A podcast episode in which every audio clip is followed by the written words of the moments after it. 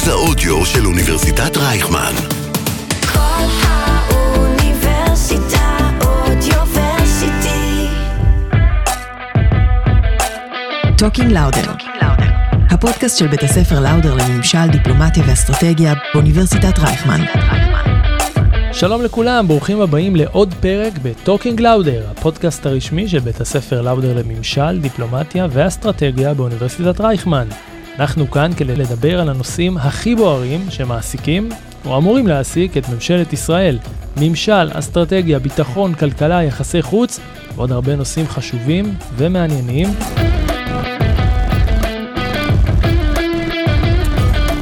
שלום שקד. שלום אופק, על מה נדבר היום? טוב, היום נדבר על הנושא הכי בוער בס- בסדר הציבורי בישראל, הסכמים קואליציוניים. האמת, הנושא הכי בוער.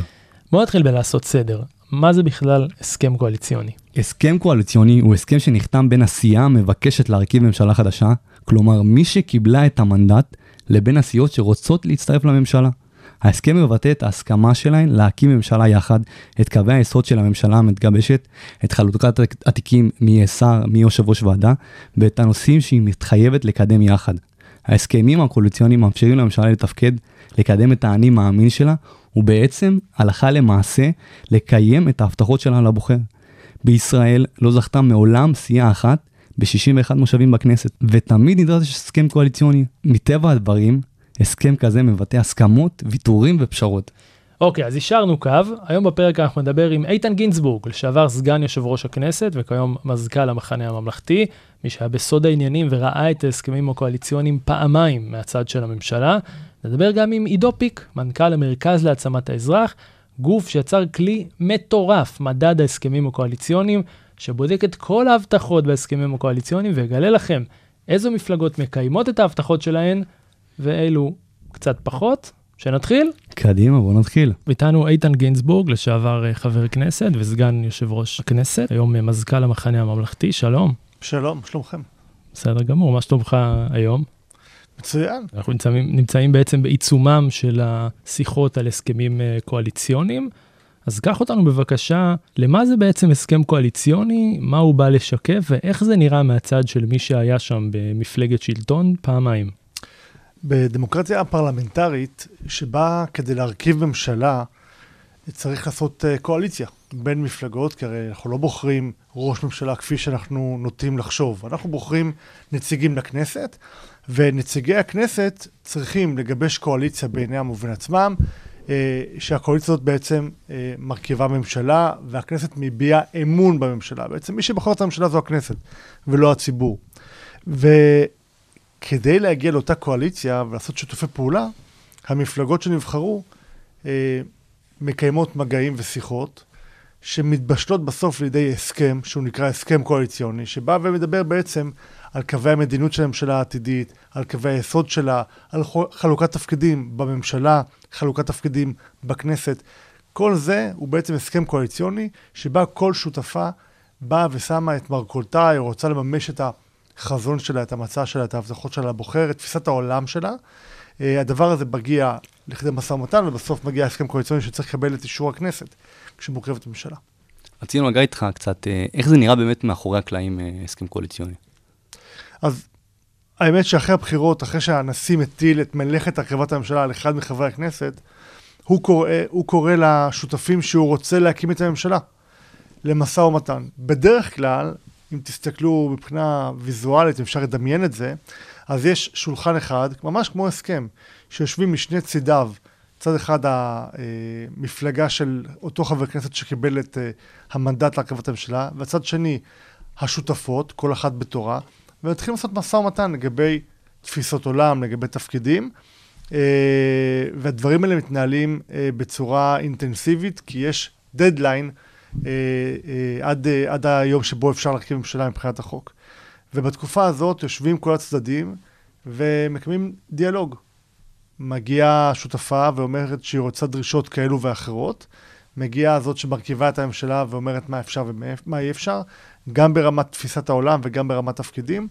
מה שקורה בדרך כלל הוא שהמפלגות מת, מתגייסות אה, או מגייסות לעצמן גם עורכי דין וגם נציגים פוליטיים שיודעים בדיוק מה אותה מפלגה רוצה לממש בקדנציה הקרובה בכנסת. הם מכינים רשימת מכולת, מכולת מאוד מאוד ארוכה של כל תפיסות העולם שלהם. אה, יש בתוך הרשימה הארוכה הזאת של, זה יכול לקרות, להיות גם למעלה מ-100 או 200 סעיפים, אה, תפיסות עולם שונות ומגוונות שהם היו רוצים לממש. את כל, את כל מאו- מאווייהם הם שמים בתוך המסמך הזה, ואז מתחילים משא ומתן. מתחילים את זה אפשר, את זה אי אפשר, בואו נראה איך אפשר להגיע, ל- לרבע את המעגל, ו- ו- וכך נוצרת הדינמיקה בין הצדדים. איך מחליטים על מה אפשר, על מה בעצם יותר חשוב, מה פחות חשוב, מה אפשר להתפשר אולי, כאילו, זה עניין של משא ומתן. כל uh, מפלגה צריכה להחליט מהם הקווים האדומים שלה, ועל מה היא מוכנה להתפשר, ועל מה היא לא מוכנה לוותר בשום אופן. Uh, ואנחנו רואים, אבל לאורך השנים שוני בהסכמים הקואליציוניים. הם הפכו והתהוו ל... אם פעם דיברו על תפיסות עולם בעיקר, מהמם. ועל uh, uh, אג'נדות ועל כיווני פעולה של ממשלה, ככל שעוברות השנים, אנחנו רואים שההסכמים הקואליציוניים מתמקדים בעיקר בתפקידים ובסמכויות, פחות בתפיסות העולם.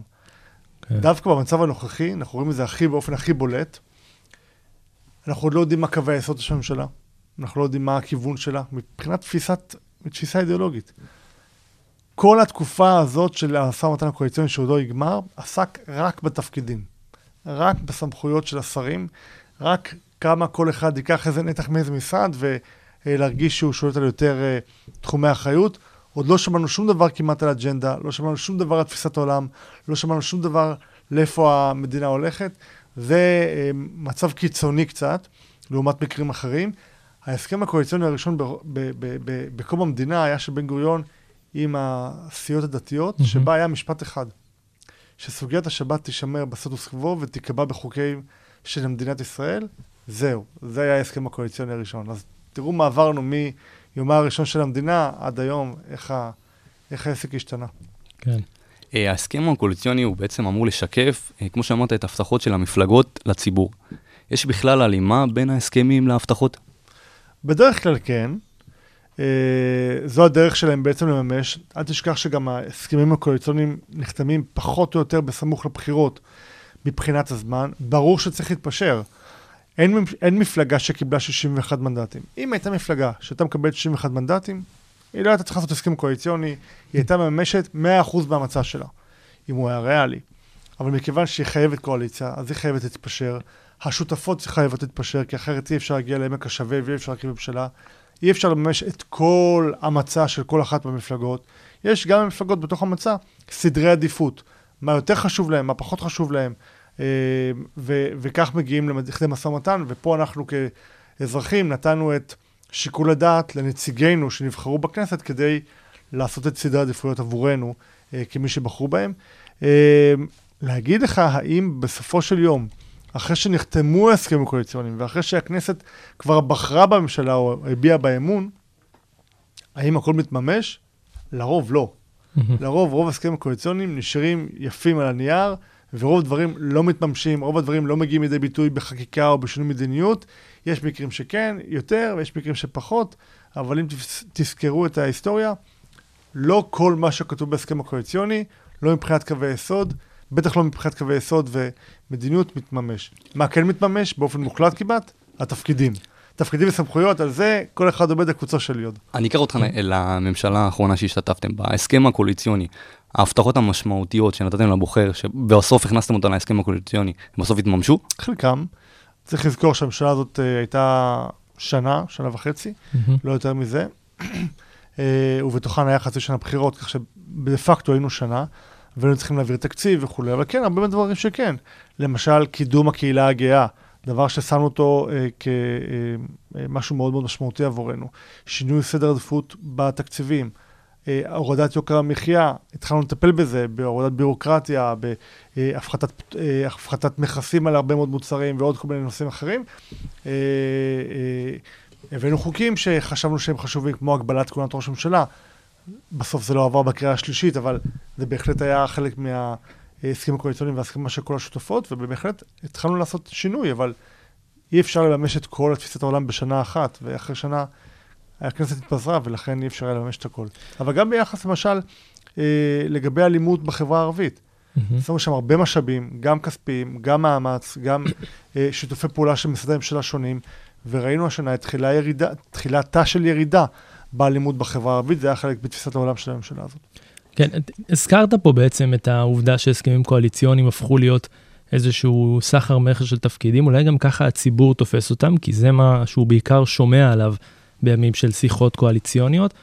ואפשר לומר שבעצם מאז הבחירה הישירה בישראל, יש איזושהי היחלשות מסוימת גם של המפלגות הגדולות. כלומר, אם עד אז מפלגות הגיעו ל-40 מנדטים, מאז הבחירה הישירה אף מפלגה לא הגיעה ל-40 מנדטים, וזה כמובן מייצר סחטנות של מפלגות קטנות שמגיעות, רואים את זה גם עכשיו, וכמעט בכל ממשלה, אולי למעט ממשלת האחדות שעשיתם עם הליכוד, שהייתה באמת ממשלה של מפלגות גדולות, אבל כאן אנחנו רואים סחטנות מאוד גדולה של מפלגות קטנות.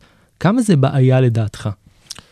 א', סחטנות היא תמיד בעיה, וזה תמיד נתון לכוחן של מפלגות, אבל אל תתבלבל, תמיד הייתה, תקרא סחטנות או משא ומתן קשוח, ותמיד היו דרישות. אמ, אף פעם מפלגת השלטון לא הגיעה 61 מנדטים. כך שהיא תמיד הייתה חייבת להתפשר, ותמיד הייתה חייבת לעשות משא ומתן עם מישהו. המפלגה הכי גדולה שהייתה הייתה שם במפא"י, קיבלה 56 מנדטים, אה, או 54, אני לא זוכר בדיוק את המספר המדויק, אבל זה היה סדר גודל, אבל זה היה חריג. רוב המקרים היו באמת בשנות ה-80, 42, 48, 38, אלה היו המספרים. ותמיד היו צריכים לעשות, אה, להביא שותפות. וכשיש שותפות, אז יש משא ומתן, וכשיש משא ומתן, יש התפשרויות ופשרות. אה, אני מזכיר לך למשל שבסוף שנות ה-80, תחילת שנות ה-90, אה, הייתה סחטות מאוד מאוד גדולה, אם תקרא לזה ככה, של המפלגות החרדיות, Mm-hmm. דבר שבסוף הביא להפלת הימין. נכון. מפלגת העבודה רצה עם הסלוגן, מושחתים נמאסתם, בגלל כל החלוקה של התקציבים הייחודיים למפלגות החרדיות, ששלטו גם בוועדת כספים גם אז, ושמיר נתן להם את כל מה שהם רצו כדי שתהיה לו ממשלה, וזה, וה, וה, והציבור מאס בתוך, ה, בתוך הדבר, מהדבר הזה. אז זה תמיד היה. תמיד אנחנו נוטים לשכוח את התקופות של העבר ולהתמקד בתקופות של היום, אבל הסחטנות תמיד קיימת, או הדרישות של המפלגות הקטנות יותר, כדי להיות שותפות בממשלה, תמיד קיימות. ועדיין אפשר להגיד שההסכמים הקואליציוניים היום הפכו להיות קשים יותר בעצם למפלגת השלטון, כי אתה צריך לעשות הסכמים עם יותר מפלגות, יותר רסיסי מפלגות, גם אפשר לראות uh, עכשיו דוגמה. תראה, דווקא באופן פרדוקסלי, הממשלה הזאת שמתגבשת של נתניהו, ממשלה 37, 37, Mm-hmm. זה היה צריך להיות קל. גם נתניהו הבטיח שנעשה ממשלה מהר, תוך שבוע יש ממשלה, רוצים להשביע אותה ולצאת לדרך, אה, ממשלת ימין על מלא. ודווקא עכשיו רואים את הקשיים. למרות שיש להם תפיסות עולם זהות, ואין להם הרבה ויכוחים על הרבה מאוד נושאים, אנחנו רואים שני דברים מאוד מעניינים. א', שזה לוקח יותר מדי זמן, הרבה יותר זמן ממה שחשבנו כולנו, וב', הם מתווכחים בעיקר על תפקידים וסמכויות, אה, ובקצה אנחנו גם רואים את הפערים האידיאולוג- האידיאולוגיים, ואנחנו רואים איך הדברים האלה באים לידי ביטוי, אבל זה נובע גם מכך שכולם יודעים שאין להם אלטרנטיבות. נתניהו יודע שאין, אה, הוא יודע שאין למפלגות השותפות שלו אלטרנטיבה, אבל גם השותפות יודעות שלנתניהו אין אלטרנטיבה. נכון. ולכן, במצב הזה שבו לאף אחד אין אלטרנטיבה, כל אחד מנסה למקסם את מה- את מה שהוא יכול לדרוש, ולהיות קיצוני יותר, או תאב בצע יותר, אם תרצה, או אידיאולוג יותר, אם תרצה, אה, בצד השני של המטבע, כי הוא יודע שהצד השני אלטרנטיבה והוא כן, כי חייב. אין חשש שזה יתפוצץ. בדיוק, ולכן, אה, ולכן במקרה. במקרה כזה, שלמרות שזה נראה הומוגני, ולמרות שזה נראה בדיוק ימין על מלא וכולם באותה תפיסת עולם, זה לוקח יותר זמן, זה יותר קשה, יש דרישות שמעולם לא חשבנו שיגיעו, והנה הן מגיעות. אנחנו באמת רואים את ההסכמים המתגבשים היום עם החרדים שמדברים על אה, אה, חוף הים, אה, פחות אה, משרתים בצבא. אה, איך אתה רואה את זה, ומה זה שונה גם בעצם מההסכמים הקואליציוניים שלכם, לדוגמה עם רע"מ? אפשר אותו, לקחת את זה על אותו, אותו נישה בעצם. לא, ממש לא, מכיוון שרע"מ עסקו בעיקר בדברים שכואבים לחברה הערבית, ואף אחד לא יתווכח על כך שהחברה הערבית נמצאת בפער גדול, הרחק מאחור, בטח היישובים הערביים, כן. מהיישובים אה, הכלליים בישראל, והחברה הערבית נמצאת, אה, מה שנקרא, ב... יש, יש, יש פור עליה. ואנחנו רואים שהרבה שנים הזניחו השקעות בחברה הערבית, גם בחינוך, גם בתשתיות, גם, ב, גם בסדר וחוק ו, וב, ובתעסוקה, והרבה מאוד תחומים. וההסכם עם רע"מ בא בעצם לתת מענה כדי לצמצם את הפערים עם החברה הערבית ולטפל בסוגיות שורש כואבות כמו האלימות בחברה הערבית, ורוב התוכניות היו תוכניות חומש. לא ראית כמעט בכלל חקיקה שעוסקת רק בחברה הערבית. כן, בוא נסביר לסטודנטים שמאזינים לנו גם מה זה בדיוק תוכנית חומש, איך היא משליכה על החיים של תוכנית כולנו. חומש היא תוכנית ארוכת טווח, אגב, דבר שאנחנו לא שומעים אותו הרבה בממשלות השונות. תוכנית שמתפרסת לאורך חמש שנים, מפה המילה חומש, לפעמים גם זה יותר מכך, ומנסים אה, אה, לטפל בסוגיות עומק. אז גם המיליארדים שאמרו שנתתם לערבים, נניח בנושא התחבורה, זו הייתה תוכנית של למעלה מעשר שנים, שבה צריך להשקיע בתשתיות תחבורה שלא קיימות מהמם. ביישובים ערביים.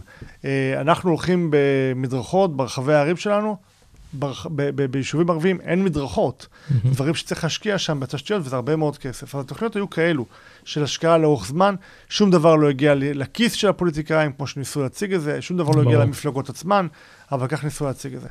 אה, היום אנחנו רואים חוקים שהם הרבה יותר פרסונליים, יותר, יותר מזוקקים, יותר סקטוריאליים, וסוקים, וחוקים שעלולים לפגוע אה, מצד אחד בזכויות המיעוט, מהמם. ומצד שני, גם ברוב. אם מחליטים שמקצים יותר חופים ל- אה, שהם מופרדים מגדרית, של אה, הפרדה בין גברים לנשים, מהמם. ברור שזה פוגע בציבור הכללי, כי אם מרחיבים את החופים, החופים בסוף הם חופים. נתונים. כן. אז אם מרחיבים את החופים המופרדים, באופן מובהק זה מצמצם את החופים הפתוחים לכולם. וזו דוגמה אחת. אז האם להסכמים קואליציוניים, נחזור רגע לבסיס של הדברים, האם יש להם בכלל תוקף שהוא מחייב? יצחק שמיר, ראש הממשלה, אמר שאפשר לתלות אותם על הקיר, בגדול. נכון, אה, אה, יש קצת אה, אה, משהו מטעה במילה הסכם קואליציוני, כי מהמם. הסכם הוא נ- תמיד אה, נשמע לנו כמו דבר שהוא מחייב, כמו מהמם. חוזה, נכון. שמחייב אה, בין שנינו שחותמים עליו. זה גם אבל- נראה כמו חוזה, אם נכון, מסתכלים על בהרבה זה. מאוד מובנים, כן, כי עורכי דין כותבים את זה. נכון. אה, אבל אה, אה, לא מדובר בהסכם עסקי. והסכמים פוליטיים, הסכם קואליציוני הוא הסכם פוליטי, והסכמים פוליטיים, גם על זה פסק בית משפט, מהמם. אי אפשר לאכוף הסכם פוליטי. זה עניין של רצון ואמון בין שני הצדדים. ולכן זה קצת מטעה, אין דרך לאכוף אותו, אין לו תוקף משפטי, והוא הוא בהרבה מאוד מובנים לא יותר ממסמך של הצהרת כוונות. מהמם. לאיפה הולכת הממשלה, מה קווי היסוד של הממשלה. זה מסמך שהמטרה שלו היא לעזור לשותפים הקואליציוניים להתמקד ולהגיד, על זה הסכמנו, על זה הוקמה הממשלה. אל תביא לי דבר שלא הסכמנו עליו, או אם אתה תביא משהו שסותר משהו שהסכמנו עליו, שים אותו בצד, אחרת השותפות עלולה להתפרק. ההסכם הקואליציוני שם איזה מין מסגרת לכל השותפים שאומרת, על זה אנחנו מסכימים, בואו נלך עם זה קדימה. הממשלה האחרונה שיצ... ש... שיוצאת עכשיו, ממשלת בנט, מהמם. ממשלת השינוי, אה, אחת ההבנות שלה היה שאנחנו מסכימים על 70% מהדברים ולא מסכימים על 20%. מהמם. אבל הדברים שלא מסכימים לא נוגעים בהם. למשל, כל סוגיית השטחים, לא נוגעים. לא סיפוח ולא אה, החזרת שטחים. מהמם. לא נוגעים בסוגיה הזאת. נושאים של דת ומדינה, אה, אה, או סליחה, אה, חוקי יסוד, לא נוגעים בלי, אה, לא מביאים לאישור, חוק, לתיקון חוק יסוד, בלי הסכמה של כל השותפים. כך שלכל אחד יש וטו, אם יש מישהו שיש לו בעיה עם חוק יסוד. אז, ו, וזה היה, היה הבסיס של, של הממשלה הקודמת, היה בסיס של אמון, ובכלל, הסכם קואליציוני הוא תמיד עניין של אמון. ברגע שנשבר האמון, ההסכם לא שווה, כל אחד יעשה מה שהוא רוצה, ויצביע איך שהוא רוצה, ואז גם עלולה ליפול לממשלה. זהו, אבל אנחנו רואים גם שבמקרה שלך למשל, בממשלת גנץ ונתניהו, אחרי בעצם ההסכם הקואליציוני, החוסר אמון הזה בין אה, כחול לבן של אז לבין נתניהו, הביא אתכם ממש לחוקק את ההסכם הקואליציוני, זאת אומרת, את חלק החילופים בהסכם הקואליציוני בחוק יסוד הממשלה. כמובן שזה איזשהו משהו שלא היה קודם לכן בפוליטיקה הישראלית, ולכן היה צריך להסדיר את זה, ועדיין, אתה עמדת גם בראש הוועדה שחוקקה את, ה, את התיקון הזה לחוק יסוד הממשלה, ובעצם אולי, אולי מאז אנחנו רואים שחוסר האמון הופך להיות אה, הכלי המרכזי בהסכם קואליציוני, וכל אחד, גם עכשיו בן גביר שמנסה לתקן את חוק, את חוק אה, סמכויות המשטרה והשר לביטחון פנים, השר לביטחון לאומי לשיטתו, עוד לפני הקמת הממשלה, זאת אומרת, ההסכמים הקואליציוניים הפכו להיות באמת דף נייר, ומה שלא נחקק קודם לכן, בהליך חפוז ומזורז ו... ולא מעמיק בדרך כלל, פשוט לא, לא קורה, או שהאמון, חוסר האמון נשתלט פה על הכל, לא? מה שקורה היום זה באמת משהו אה, חריג. אני אגיד לך משהו לגבי ממשלת החילופים והסיפור של הרוטציה. אנחנו בעצם רצינו לעגן, ההסכם שלנו היה הסכם רוטציוני. חצי תקופת כהונה נתניהו, חצי תקופת כהונה גנץ. ובאמת רצינו לעגן את זה, אה, כי באמת היה חוסר אמון כלפי נתניהו, כי חשבנו שהוא לא יקיים את הרוטציה, והנה, אנחנו גם התוודענו לכך שבסוף באמת לא נכון. קיים את הרוטציה למרות החוק. אה, אבל מה שאנחנו עשינו בממשלת חילופין, אנחנו בעצם כתבנו, אה, עיגנו בחוק את כל סיפור הרוטציה. כי סיפור הרוטציה הוא גם סיפור משטרי, שבעבר היה על סמך אמון. שמיר מהמם. פרס בשנת 84 גם עשו הסכם על רוטציה, נכון. וכולם היו בטוחים ששמיר, לא- שפרס לא יקיים את הרוטציה ולא יעביר את זה לשמיר, הוא כמובן עמד בהבטחתו והעביר את, ה, אה, את, ה- את תפקיד ראש הממשלה אחרי שנתיים לשמיר, אבל אה, אנחנו ביקשנו לעגן את הרוטציה בחוק, שזה דברים יהיו מסודרים וקפואים, בלי קשר למי עומד בראש הרוטציה הזאת, שיהיה ברור מי, אה, מי מתחיל, אה, איך, איך מתחלפים, מה המשמעות, מה קורה אם מישהו מתפטר באמצע, שלא יהיו ויכוחים, ולעגן את זה בחוק. אה, מה שקורה היום זה קצת שונה, כי הם לא מעגנים חוקים שיאפשרו את הקמת הממשלה. הם היום מחוקקים חוקים שבאופן טבעי ממשלה נבחרת הייתה צריכה לחוקק. מה הסיבה שבן גביר אה, מתעקש עכשיו לשנות את פקודת המשטרה ולהעניק לשר יותר סמכויות של מדיניות לשיטתו? למה הוא לא עשה את זה אה, אחרי שהוא נכנס לתפקיד של שר? ייכנס בן גביר לתפקיד השר, יראה את המשרד, ירגיש שאין מספיק סמכויות, יביא הצעת חוק מטעם המשרד, הצעת חוק ממשלתית, היא גם יותר מהירה מהפרוצדורה נכון. בכנסת, ויעביר אותה. למה הוא עושה את זה לפני? זה דבר שהוא לא נדרש לצורך הקמת הממשלה. זה נובע מחוסר אמון. זה נובע מחוסר אמון בין הצדדים, וזה באמת דבר חריג. בדרך כלל לא מביאים חוקים שלא קשורים להקמת הממשלה לפני שהיא הוקמה, וזה באמת דבר שעוד לא ראינו. אה, אה, בהסכם בינינו לבין אה, נתניהו באמת ראינו שההסכם הקואליציוני שהיה חתום הופר מהיום הראשון. ישיבת הממשלה הראשונה. הרי ההסכם היה שאנחנו ממשלה פריטטית, שוויונית, לכל אחד הכוח שווה ולכל אחד יש זכות וטו על השני. בישיבת הממשלה הראשונה היה כתוב בהסכם שצריך להביא תיקון לתקנון הממשלה כדי שהמנגנון הפריטטי, המנגנון השוויוני, יחול גם על החלטות הממשלה. נתניהו בישיבה הראשונה סירב להביא את תיקון התקנון, למרות שזה היה כתוב בהסכם הקואליציוני. ושם התחילה ההפרה הראשונה. ואחרי זה כל אחד פינג פונג ותפיסות עולם ו, ו, וכל הסיפור המשפטי וכל הסיפור של, של אה, אה, אה, הסיפוח ו, ו, והסכם האמירויות, שהוא לא עדכן את, אה, את גנץ, את שר הביטחון, על הסכם שהוא עושה עם האמירויות, והדברים, וזה שהוא לא סירב להביא תקציב, הדברים הלכו והידרדרו. ובאמת, הסיפור של האמון, בסוף אי אפשר להתגבר עליו. אתה יכול לחתום על מלא הסכמים, אתה יכול לחוקק מלא חוקים. אם אין אמון בין הצדדים, שום דבר לא שווה. ממשלת בנט-לפיד, שגם השתמשו בחוק בממשלת החילופין, למרות שהם ביקרו אותו מאוד כשאנחנו חוקקנו אותו, תיקנו את הפרצות שנשארו עוד בחוק, עשו בו שימוש, ובסוף, כדי שיהיה מצב שהממשלה תהיה יציבה, אבל בסוף, איך נפלנו? איך הממשלה הזאת גם התפרקה? כי היו שלושה ח"כים בסוף שמרדו בקואליציה מהמם. והצביעו נגדה. אז הנה, גם שם נשבר האמון עם שלושה הח"כים האלו, והם גרמו להפלת הממשלה, למרות שהיה הסכם קואליציוני חתום וכולי. אי אפשר באמת לאכוף הסכם קואליציוני. בסוף, הסכם קואליציוני הוא בסיס ותשתית ליצירת אמון, ואם אין אמון, שום הסכם לא יעזור.